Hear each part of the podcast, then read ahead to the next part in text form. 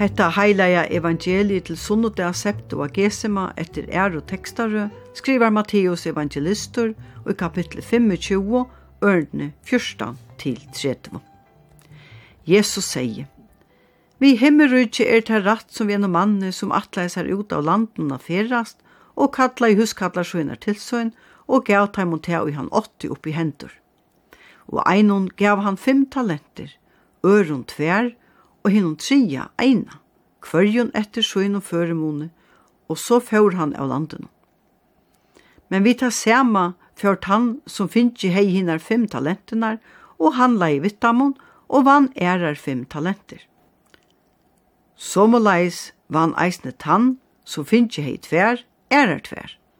Men tann som finnje hei hina eino, fjør og grå eit hål og gjørna, og fjalte pengane tja husbønda søgna.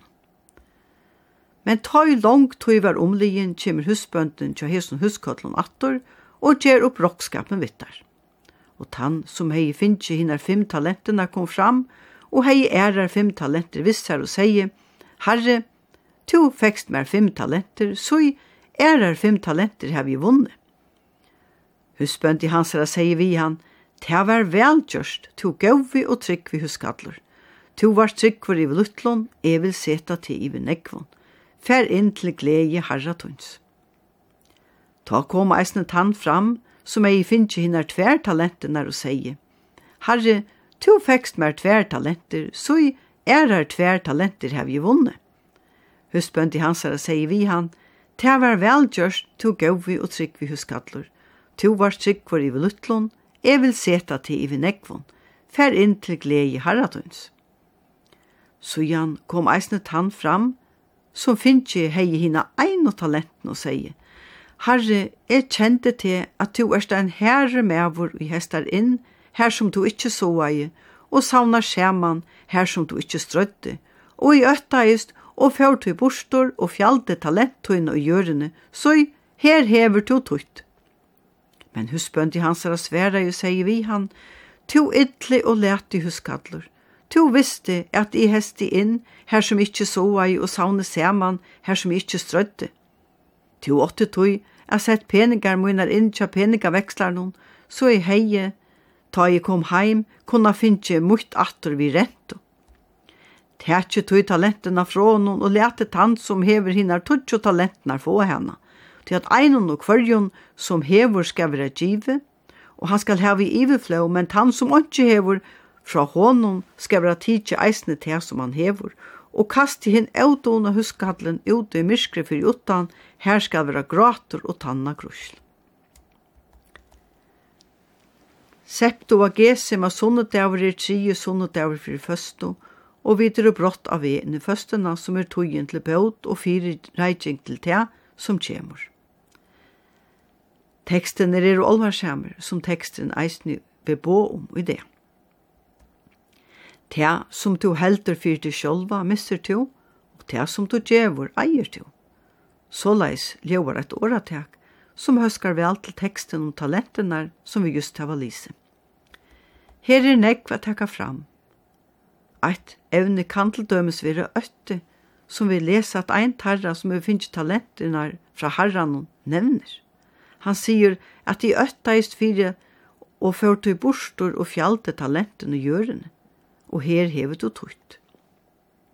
Ein gava skal ikkje grevas nyur, og så bæra litje her til tann som hever givet gavna kjemmer atter, kan få han atter.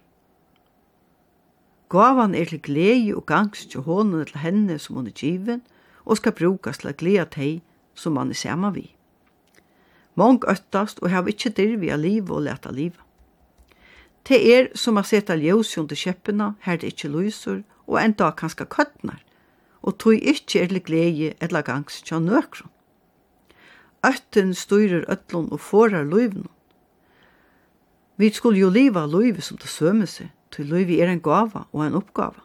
Ikkje tog at han som fekk en ein og talenten fekk og nekva apyrt. Nei, taimon var giv etter førmåne, stendig skriva. Hoksanen var at hetta megna tar utan trobleikar. Apyrten var to ikkje større enn hver tarra megnai men imist er hvordan vi omsida og bruka til som okken er givet. Hiner bare lope ut og uta, og tørte å takka chansen, og ta bær til. Tar vonno herranon ta dobbelt atur. Tar bær dutto og tørte å takka vi gaven og oppgaven som fyllte vi. Tog det var trygger i vitanene om at dette var en oppgave de kunne løse, og tørte å tog å takka møvleggen, og finke så vel bortsett ur. Ter tørte var djeva og hadde alit av at herre tarra hjelte taimon og gav dem og dirvi at teka egnar avgjer og bei mått og meg, kunne vi sija. Tu tar kjento herran og visstu at han ikkje for å luta taimon meira til enn tar megnav. Øtten styrte ikkje taimun og tar finkur raus fyrir donaskap og troskap. Øtten er ringur harri, ty han er enn større harri enn Herren sjolvor. Her er ikke øttast ikkje i teksten, men om så vær er ikkje visst at hesten hei bors ørvis i eten han gjørt. Kanska lurte han ikkje noe vel, eller kjente ikkje herrasøyn. Ta øtten eier alt vald, kvørst jo høyre til å vi til som er bant fri egen og få at du ikkje nekra glede av du som vi er okkon give, kvørst jo fra god til eller mån. Tog er øtten vanda som han er til tria tænaren. Han teker i rønt og vere løyve fra honom og forar honom ui at liva og njóta. Teksten legger eisne opp til spurningen om hverja godsmynd eller godsfætan vi hava. Trie tænaren huksar i öllum førun, god som ein vreian og krevjande god, ein som hestar her han ikkje soar og saunar her han ikkje strøyer. Men er hetta ein gau godsmynd? Jesus letter okkum vita at god er kærleksfotler, nøyjur og miskunnsamur. Ein som treitalest elskar okkum og gjever okkum gaver og oppgaver som vi kunne løysa vi hansar hjelp. Så vi tåra at djeva bors av tog vi da og finnje heldre enn halda det fyrir okkur sjolvi, og så missa av stotjen. Tog te er bæge sint og skom.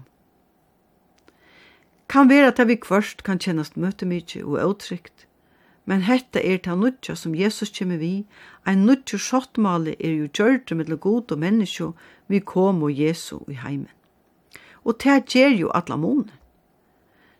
At liva er av voa, og öll hava ikkje finnje som og talenter, etla som møvleikar. Men öll hava finnje loive som ein av dyra bær og og öll er vid elsk og fyrir gode, fra til minsta til den størsta.